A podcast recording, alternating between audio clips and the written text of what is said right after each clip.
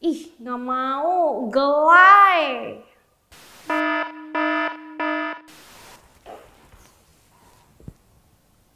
Ya.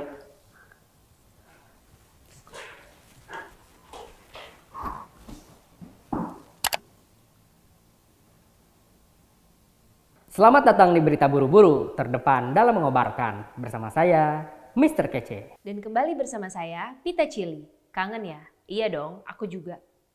Episode Berita Buru-Buru kali ini sungguh spesial. Bukan karena isi beritanya, melainkan karena semua berita akan dibawakan oleh Pita Cili. Sebagai ganti absennya Pita Cili pada edisi Berita Buru-Buru dua episode terakhir. Bye.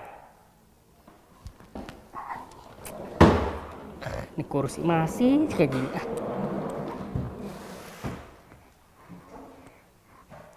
Kita langsung ke berita pertama yang tadinya terkait drama hubungan terlarang Nisa Sabian dengan teman bandnya. Namun, tidak jadi kami bawakan tentu karena berita lebih cocok untuk netizen TikTok, bukan YouTube. Gue juga gak mau bawain. Ih, gak mau, gelai. Berita pertama soal Pak Ade yang melakukan kunjungan kerja ke Nusa Tenggara Timur. Meski kunjungannya cuma sehari, tapi dramanya berhari-hari. Bagaimana tidak? Dalam perjalanan Pak D meninjau lumbung pangan dan meresmikan bendungan Napun GT di Kabupaten Sika, warga setempat tampak happy sampai berkerumun.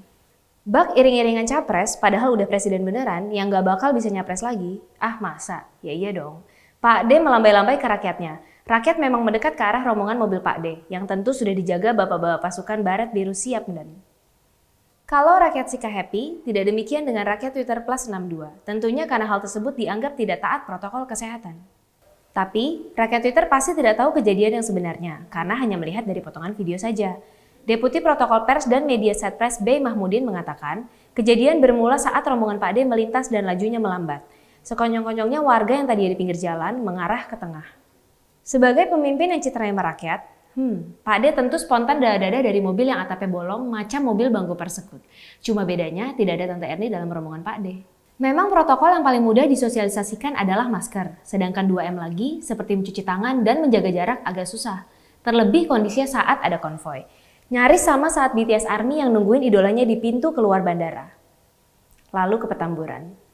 Kita ke berita selanjutnya. Kali ini datang dari polemik empat petugas medis yang jadi tersangka atas tuduhan penista agama karena memandikan jenazah korban kopet. Perlu diketahui, untungnya kejaksaan telah menghentikan kasus ini. Namun rasanya, tetap perlu kami sampaikan berita ini justru supaya tidak terulang lagi di kemudian hari.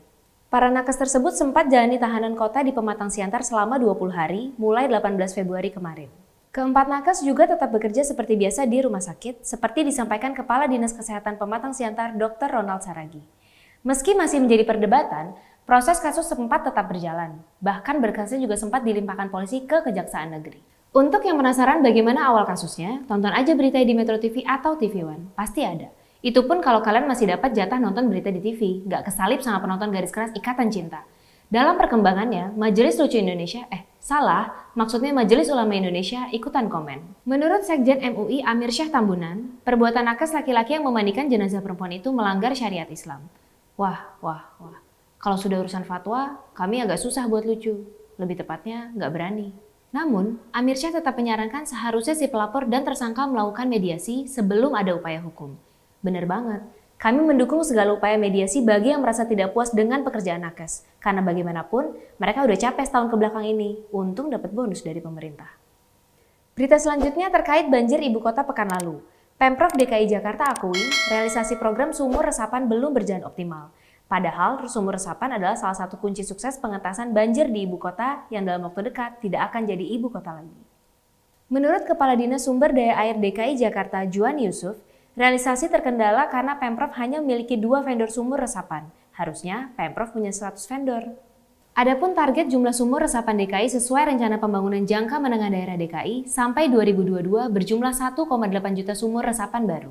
Sedangkan saat ini DKI baru punya sekitar 4.000 sumur resapan. Hmm, hampir aja. Berita selanjutnya datang dari Jawa Tengah. Banjir kembali menggenangi pusat kota Semarang pada Rabu malam 23 Februari, persis seperti peringatan BMKG yang diumumkan sehari sebelumnya.